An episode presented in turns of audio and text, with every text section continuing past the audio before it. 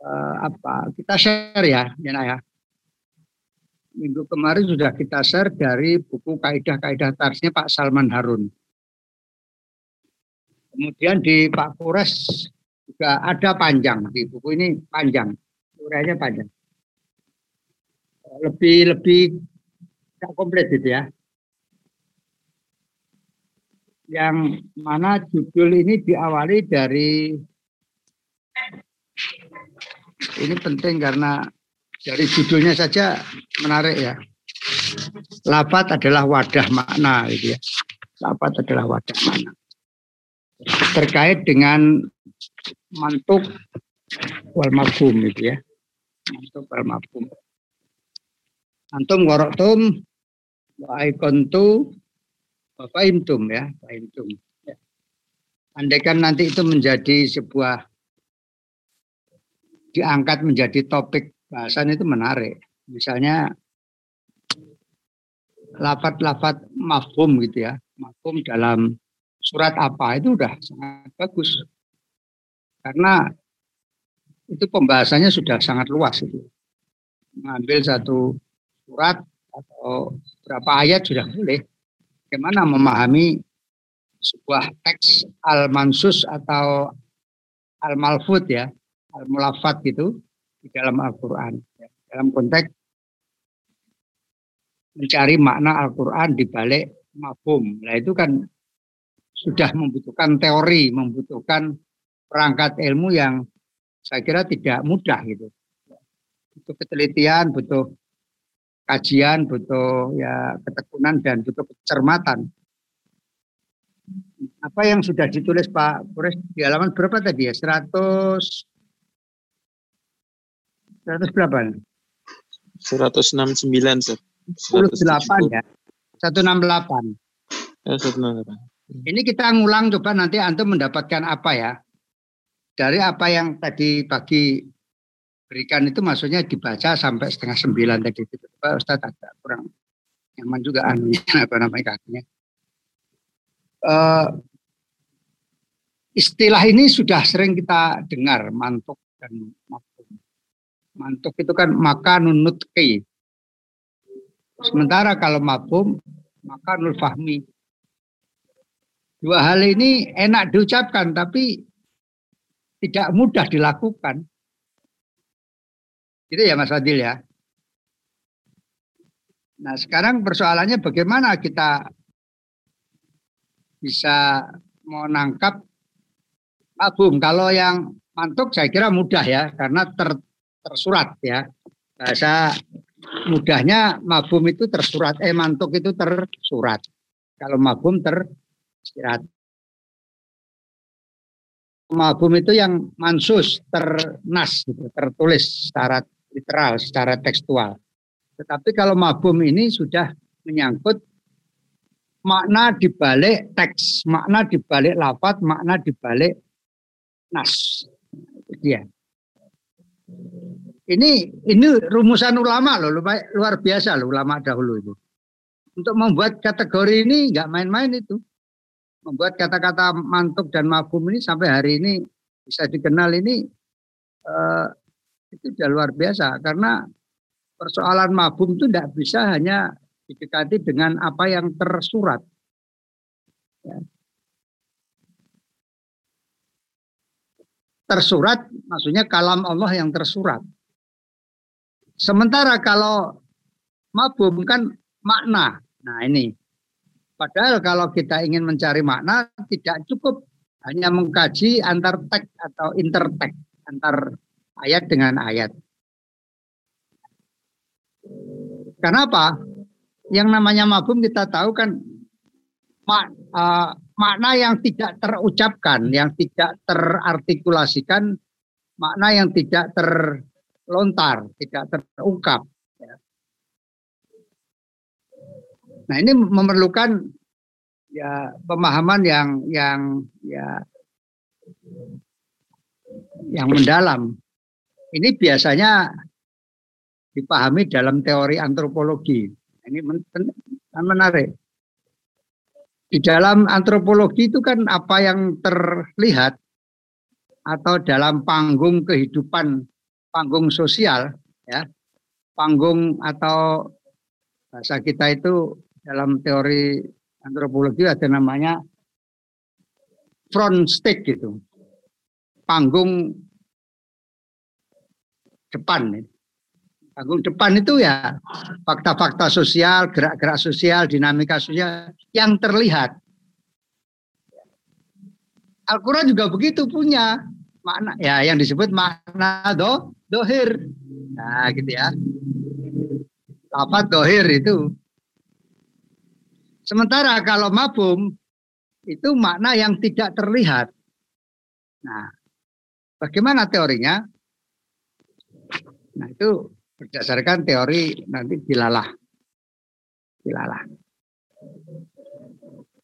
nah Pak Kuresiap mencoba untuk mengelaborasi lebih jauh bahwa sesungguhnya mantuk itu ya beliau membuat kategori lagi ada dua, dua kemungkinan.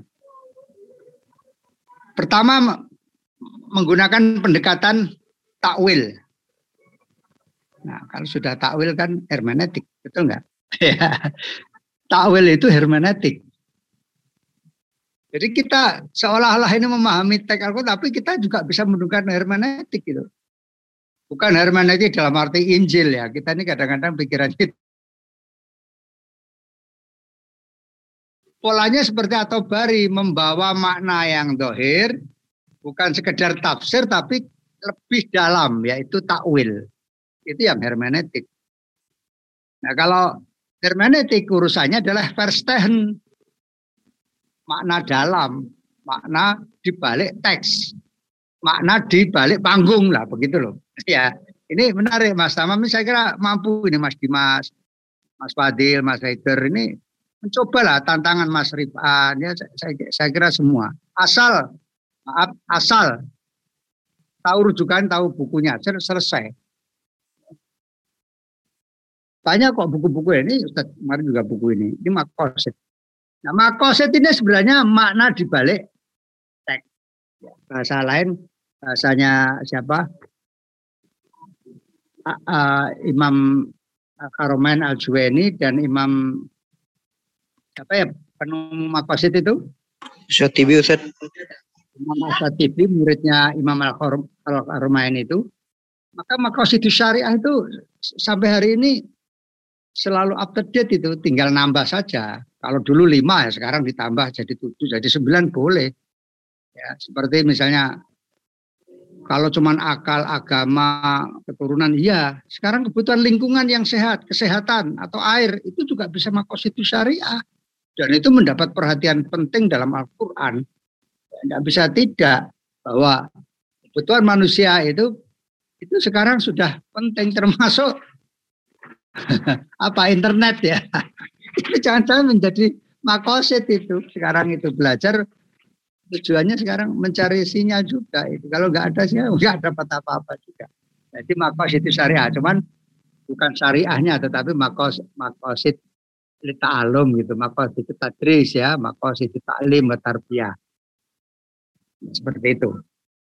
Nah luar biasa ya Padahal untuk mengetahui makna itu juga harus mengetahui relasi antar lafat, antar teks, antar ayat, antar surat. Coba antum antum memahami maaf ya kisah-kisah para nabi ya. Ya. Kisah-kisah para nabi. Itu kalau hanya yang menggunakan versi terjemah ya susah karena apa? Terjemah itu kan dibingkai atau dibatasi oleh teksnya itu sendiri. Dibingkai oleh teks yang kita hadapi. Padahal yang namanya kisah itu bertempat di berbagai surat dan ayat. Nah itu kalau nggak kita satukan, tidak bakalan deh akan bisa menemukan makosidnya. Maunya apa sih sebenarnya? Allah itu maunya apa? Membuat kisah-kisah perumpamaan-perumpamaan itu. Biasanya ayat-ayat tamsil itu Eh, kan mengandung makanya liulil albab katakannya liulil liulil albab ya wa liulil absor tanpa abdala ya tanpa gambar antum ini mana aja ini Gambarnya saya ngomong dengan tulisan. Tentara ya. Tentara. Oh, ada ini. Apa saya stop video sekalian ya? Boleh. Ya gini. Jadinya gini ya. Nah, itu gambar saya itu ya, Mas Batu Tamam itu kalau itu saya ya asli ya. Undur makola ini karena mungkin ada kolnya Imam Ali bin Abi Thalib ya Mas Eger undur makola wala tandur mangkola ini. Ya, boleh boleh saja ya. Kalau pas lagi priye-priye datang lagi uh, apa rangkaian nggak apa-apa. Itu jadi perlu ekspresi. Itu foto saat tahun 98. Ya, kalau ini tahun 2001 ini. Iya, jujur aja dulu. Eh, mana? Oh, saya di kampung itu lagi lagi pengajian di kampung. Kalau di UIN saya jarang pengajian paling ya kajian di lab agama itu atau di daring.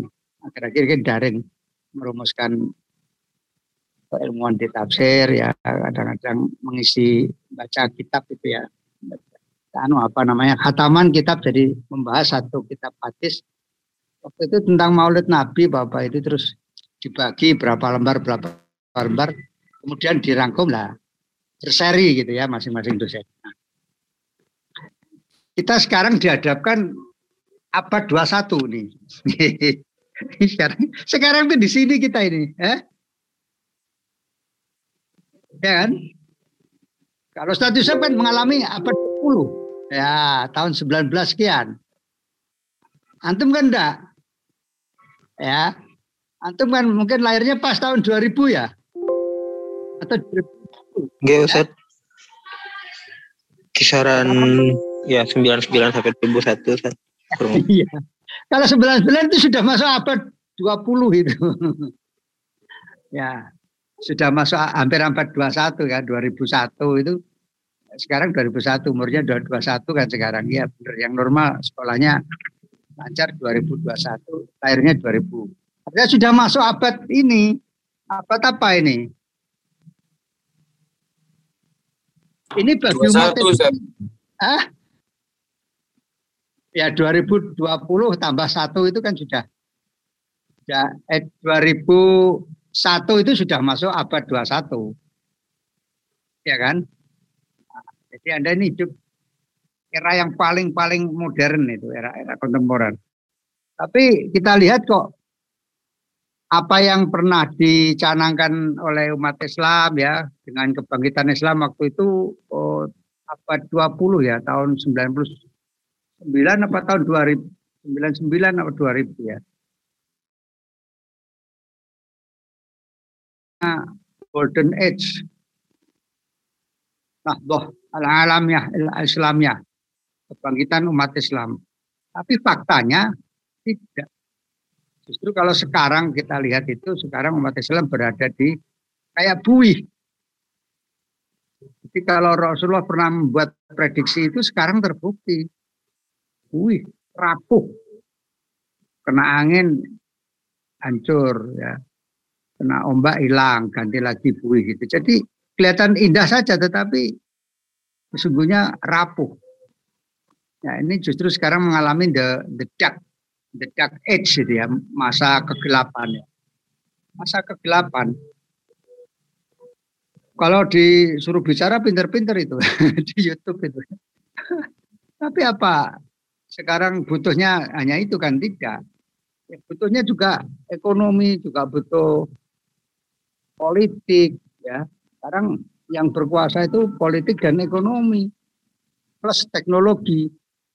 Nah sekarang tidak kita miliki semua itu, betul enggak? Teknologi bukan untuk kita, Zoom ini bukan miliknya Kiai, gitu. Produksi paket data juga bukan miliknya Kiai, bukan. Ya kita paling banter sekarang baru punya pom bensin rumah sakit, Thomas ya. Ya kita syukuri tetap bersyukur tetapi abad ini berjalan terus ya. Makanya Mas Eger nanti cepat-cepat kalau punya modal mendirikan pom bensin di kampung. Itu fundraising itu. Iya, untuk mengumpulkan mengumpulkan pundi-pundi eh, apa ekonomi. Sekarang mau bicara apa di dunia Islam, orang Islam? Ya, antam pandemi ini umat Islam yang kena. Yang paling terasa umat Islam ibadah jadi kacau ya kemudian penjual-penjual itu kan juga orang muslim juga kita kalah politik kalah ekonomi gitu ya nah ini apa mantuknya itu pandemi tapi mabumnya umat Islam supaya hancur itu salah satu agen besar nah gitu loh mas ya kalau lemah kan gampang dipengaruhi mas betul nggak mas ya makanya Muhammadiyah itu getol mendirikan sekolah, mendirikan fakultas kedokteran itu supaya punya peran yang luar biasa. Coba kalau Muhammadiyah tidak punya banyak sekolahan di Jogja ini sudah habis ini. Ya. Sekolah Islam tinggal siapa? Madrasah kecil-kecil di kampung-kampung itu ya enggak, enggak mampu, enggak mampu bersaing. NU aja sekolah-sekolah itu ada perguruan tinggi yang pengen nyanyi Muhammadiyah bagus, tapi ya hati-hati kalau enggak dikelola dengan baik. Konon ya, konon ya. Kalau dengan UNU sekarang itu kan tidak ada gaungnya sama sekali kan. Ya, ya jauh ya dengan UAD. Bukan mengecilkan, tapi memang karena baru lahir. Tapi kok tiba-tiba jadi universitas itu kan juga aneh. Mestinya sekolah tinggi dulu atau akademi dulu. Jangan sama, kalau sama kalah. Ya. Karena orang umum supaya bisa masuk. Nah, konon mau didirikan universitas besar di, di Yogyakarta. Universitas NU. Ya. ya silahkan aja. Pastabikul khairat kalau dari kita kan pastabikul khairat ya. Wallahu yahdi lah salah Itu kan sesungguhnya maknanya kita akan kepingin bangkit gitu dalam konteks dunia modern sekarang kita kepengen bangkit melalui pendidikan karena pendidikan ini masih menjadi soko guru, masih menjadi andalan ya. Gitu ya.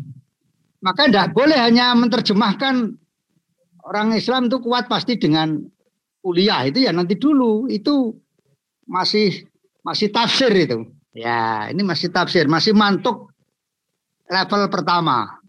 Belum takwil, Nah, kalau takwil apa maknanya? Maknanya supaya tidak terjadi ketertinggalan atau kebodohan itu. Takwilnya begitu. Al-Quran juga begitu memiliki makna-makna yang eh, kadang-kadang jauh sekali. Jauh sekali. Jauh dari apa yang tersurat. Gitu. Coba antum antum lihat kisah-kisah Nabi Adam yang sangat terkenal kisahnya Kobil dan Habil itu apa artinya itu? Kan masih misteri juga. Kenapa dikeluarkan Nabi Adam dikeluarkan dari surga? Itu juga dari tafsir-tafsir saja. Kenapa Nabi Yusuf harus digoda gitu kan? Kenapa Nabi Sulaiman nyatanya juga jatuh cinta sama Balkis? Ya, Maryam manusia suci tanpa disentuh bisa hamil. Apa artinya itu? Itu kan semua adalah membutuhkan takwil. Nah, dalam urusan mantuk ya, yang pertama tadi membutuhkan takwil ya. Itu ya, yang pertama menggunakan takwil. Tapi juga ada yang tanpa menggunakan takwil. Karena sudah sorry. Ya, kalau sudah jelas, sudah gamblang, nggak nggak perlu. Ya, kalau lafadznya yang diucapkan itu menunjuk dengan tegas dan jelas, maka ya bunyi tag itu ya seperti itu. Misalnya kul wallahu ahad itu tidak butuh membutuhkan takwil itu. Yang butuhkan takwil nanti Muhammad sendiri itu. Sudah jelas kok. Lakum dinukum waliyatin itu ya sudah jelas. Coba orang yang menggunakan takwil, wah itu bukan agama maksudnya itu. Pusing sendiri nggak selesai itu. Atas nama toleransi agama kemudian mentakwilkan ayat-ayat tentang ketuhanan, tentang akidah, pusing sendiri itu. Karena memang sudah sore. Teks itu berbunyi sesuai apa yang dipahami secara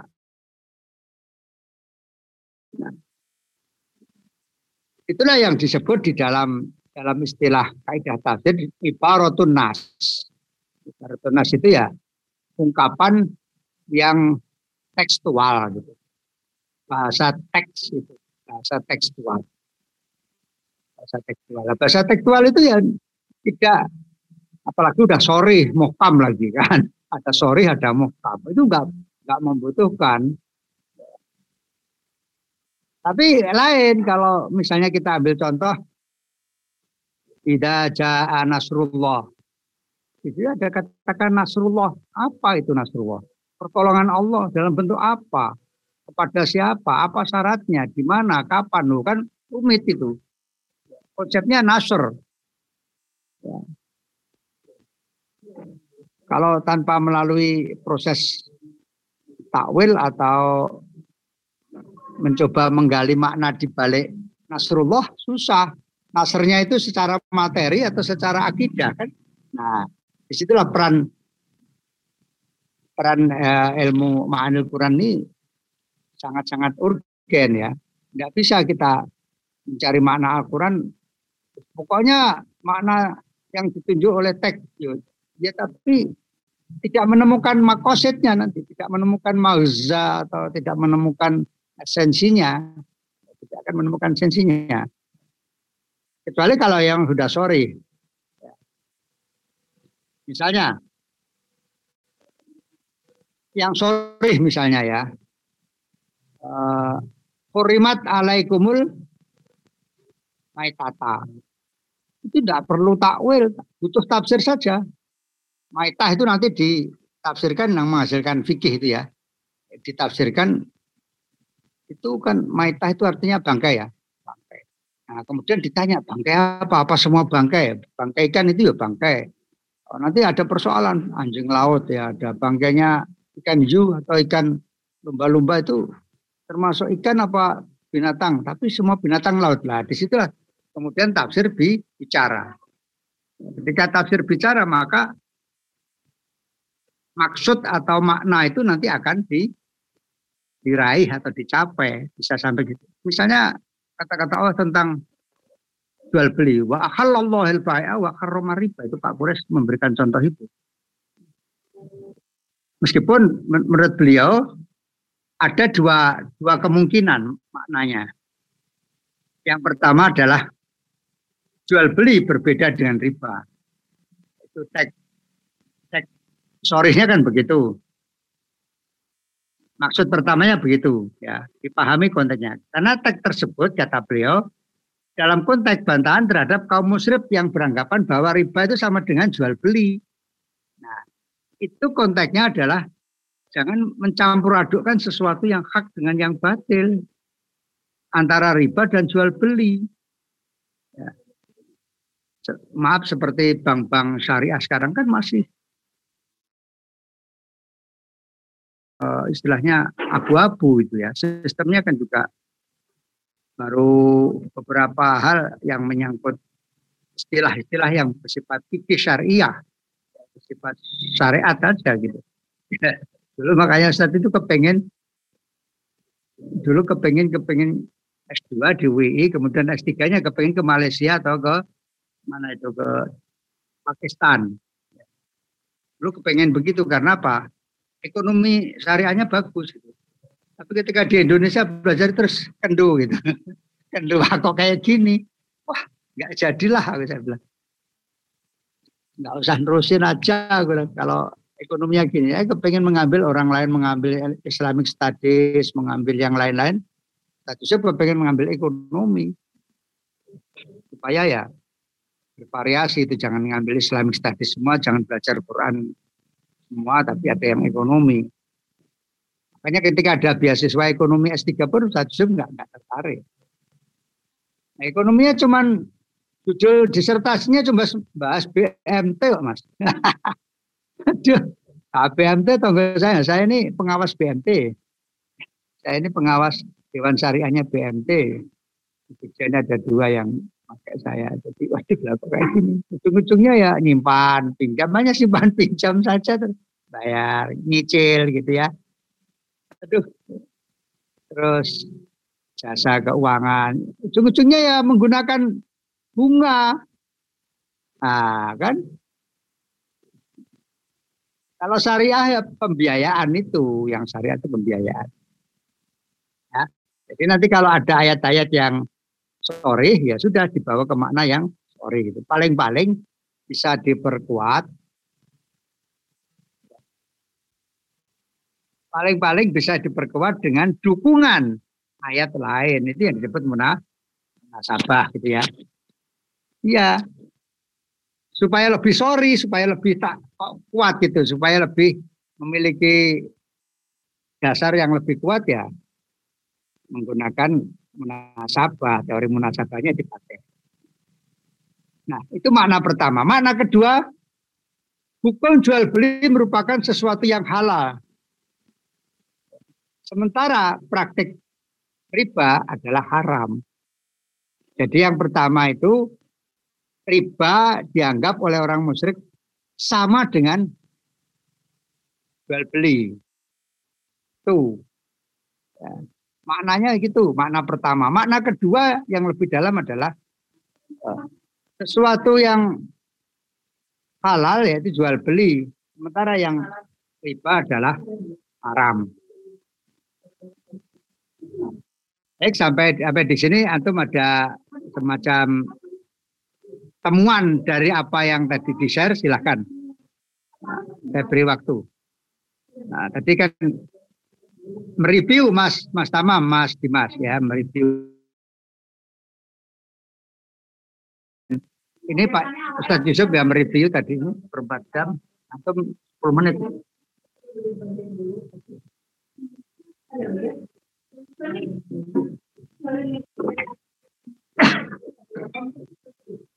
Mike, gimana plastik gimana?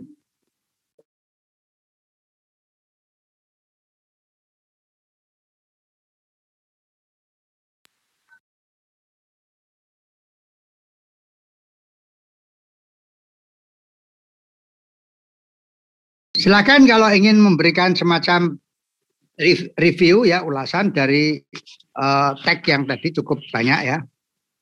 Ya kadang-kadang saya ambilkan dari Pak Salman, ya kadang-kadang dari nanti Manuk Koton ya, dari tadi ada Manuk Koton ini. Ya kaitannya dengan mantuk ya, dengan mantuk dan mabum ya. Itu dari definisi ada itu. Ya, dari definisi dari. Karena karena kitab ini sebenarnya itu rujukan utama ulumul Quran kalau di Mekah. Kalau belajar di Mekah mesti ketemu Mabakis fi ulumul Qurannya mana koton. Ini kitab wajib satu-satunya. Hampir-hampir tidak boleh menyentuh kitab lain. Nah, kalau kita bisa macam-macam ya. Tidak boleh ya. Nah, nanti hubungan ya, hubungannya dengan dalalah.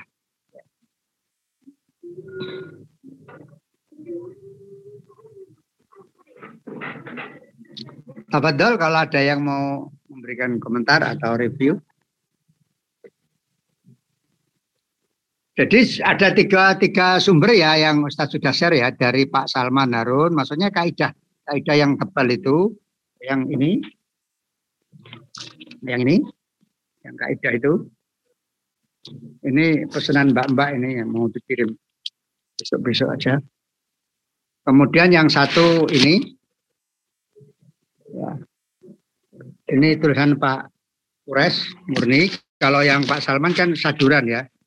Ya terus ditambah kitab-kitab begini ini ya. Boleh yang lain. Boleh. Suki soleh juga boleh. Nanti saling saling memperkuat gitu ya, saling memperkuat.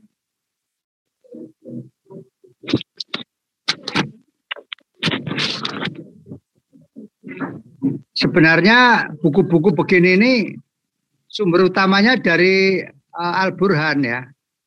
Al-Burhan fi Ulumil Quran karya Imam Badruddin Azharkasi dan Manahilul Irfan itu itu kitab induknya ke situ. terus ditambah Al-Itqan fi Ulumul Quran. Jadi tiga buku induk bagi studi Umul Quran ya tiga itu. Al-Burhan fi Ulumul Quran, Mana Ilul Irfan karya Azharqani, yang ketiga, yang ketiga adalah karya Imam Asyuyuti, eh, Imam Jalaluddin Asyuyuti, Al-Itqan fi Ulumul Quran. Itu saling-saling Al-Burhan lebih komplit ya, komplit ya karena itu menyangkut banyak hal tentang ulumul Quran. Sementara kalau Aleton kan ya lebih lebih lebih apa namanya lebih rumit sebenarnya meskipun sedikit tapi sangat menarik datanya sangat menarik kadang-kadang tidak dimiliki oleh Al Burhan makanya seperti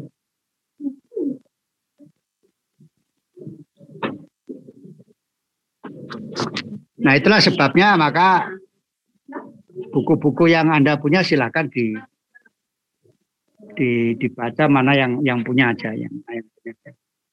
Ya. Kemarin tuh anjurannya kan ya salah satu super salah dua ini ya.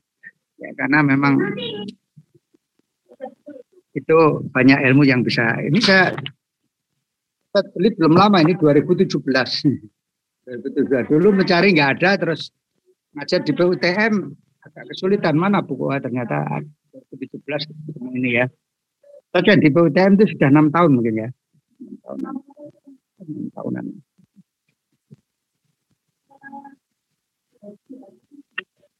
Kalau ini udah lama nih tahun 99 saya udah punya ini. Eh, setelah setelah apa?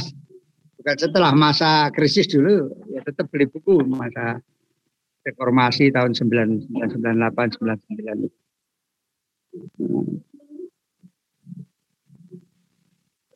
Baik, silakan kalau masih ada yang mau di uh, diskusikan atau didialogkan begitu dari apa yang sudah di share tadi ya, share.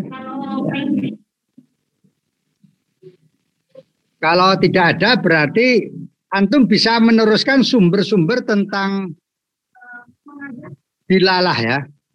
Itu kaitannya dengan dilalah itu salah satu teori dalam mafhum.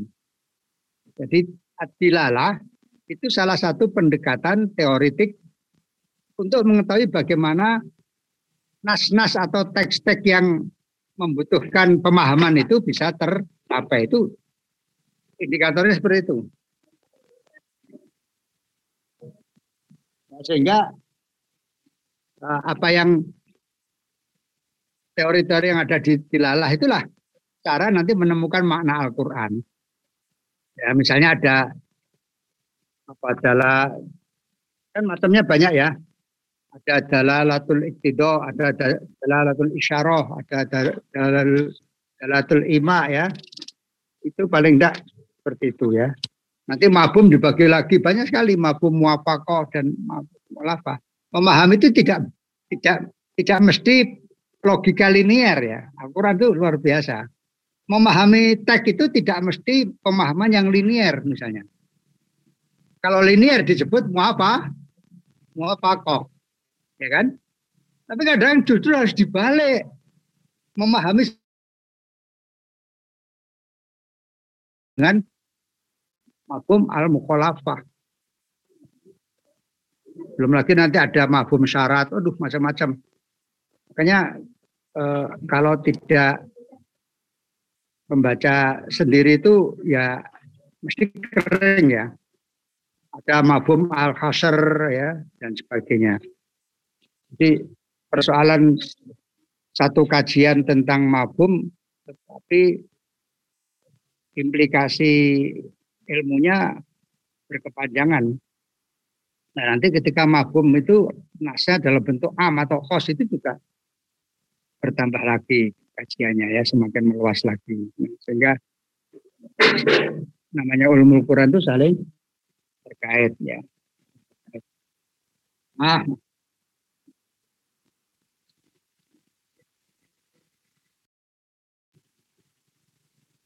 Eh kalau nggak ada silakan dibaca ya apa yang sudah di share dibaca boleh tengah malam boleh habis subuh boleh mau mau tidur karena itu ya hanya cuplikan Nah, kan tidak mungkin kalau kalau dikopikan, dipoto semua kan tidak mungkin ini.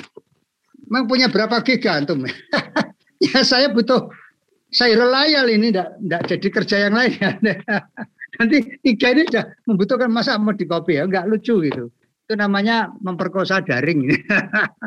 memperkosa sistem daring nggak boleh. Ya, ya sebatas membantu mengarahkan. Jadi kalau ada share, oh arahnya ke sana. Nah, padahal nanti bisa di. Saya sedang belajar apa ini tafsir kontekstual yang ala modelnya Abdullah Said yang nah, ini kalau kakak kelas antum yang kemarin wisuda sudah kenal, kita kenalkan Dasar Audah, Abdullah Said, Farid Esak, ada Tosniku Ejusu, ada Fatimah Mernisi, ada Ribad Hasan, ya, ada apalagi Aminah Wadud, itu kenal ya. Karena ada yang suka gender juga gitu. Ada yang suka model tematik, tematiknya uh, maudu'inya Al-Farmawi, ya silakan. Ada yang suka dengan kiroat, ya ada yang suka dengan kaligrafi juga ada. Masuk living Quran, boleh, tidak ada masalah. Ya. Baik, saya kira seperti itu. Ini sudah jam 9.40, sebentar lagi sudah miliknya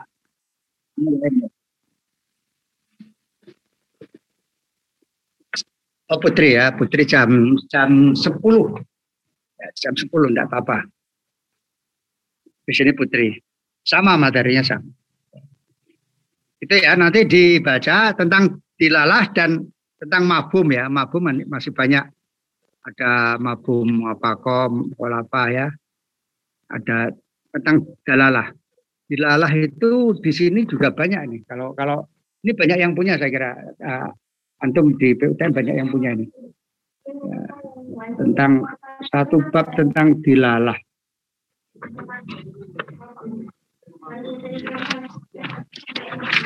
Kalau punya ini bagus. Ada Fahrudin Arozi, di sini ada Yamah Sari. Nah, ini tokoh-tokoh mubasir itu. Kalau semester kemarin banyak yang punya, ya usaha sendiri itu. Ini ada Al-Jasos, ada, nah ini judulnya ini kitab-kitab tafsir terkenal. Di depan ini adalah ulumul Quran. Nah, di sini nih kita ambil di sini nih. Yang di sini. Ya. Aspek sini yang kita ambil untuk kaidah-kaidah yang diperlukan mufasir ya. Nah, kalau di sini ulumul Qurannya asbabun nuzul ya, kemudian ada turunnya Al-Quran, tentang penertiban Al-Quran ya, dengan kiroat dan sebagainya. Ini ada muhkam mutasyabih gitu ya. Ada am dan kos. Jadi bagus memang layak kalau dijadikan semacam uh, sumber di Makkah muka rumah pakai ini. Enggak salah di King Saud ya. King Saud apa di uh, Makkah University itu. Ya. Itu seperti itu ya. Sehingga kalau di Arab kan tidak boleh membaca kitab sembarangan. Sampai nggak boleh pakai sahrur, pakai asana nabi, nggak boleh itu. Haram itu. Haram ya. Haram. Baik, saya kira seperti itu sebagai akhir dari jumpa kita di daring. Tentu bisa lanjutkan tentang pemahaman tentang mabum kaitannya dengan dalalah ya. Ada dalalah istiro, dalatul ima, dalatul, dalalatul nas, dalatul iktido, dalatul alima ya, dalalah ada dilala atau domum, ada mutobakoh banyak sekali kategorinya. Sehingga dibutuhkan memang bacaan yang jeli. Baik, saya kira begitu. Uh, Mudah-mudahan antum bisa ya, menggali dan terus mempelajari apa yang menjadi kebutuhan kita. Nanti minggu depan kita berikan contoh. Tapi sebenarnya kalau kita bicara mantuk mabum itu banyak contoh itu sudah praktek sebenarnya sudah bisa dilakukan. Praktek mencari makna model dilalah. Nanti mana dilalahnya, jenisnya apa ya. Terus lalu menjadi maksudnya apa, maknanya. Kafaina ya, kafaina bihada bihada bihadil mukadarah syarifah asta'ida insya Allah al mubarakah wa manfaah fitini wa dunya wal amin Amin. Wa akhiru da'wana alhamdulillah Allahumma tina siratal mustaqim khairat. Wassalamualaikum warahmatullahi wabarakatuh. Waalaikumsalam. Waalaikumsalam warahmatullahi wabarakatuh. Jazakallah khairan Ustaz. Jazakallah khairan Ustaz. Wa iyyakum wa iyyakum. Amin. Iyyakum.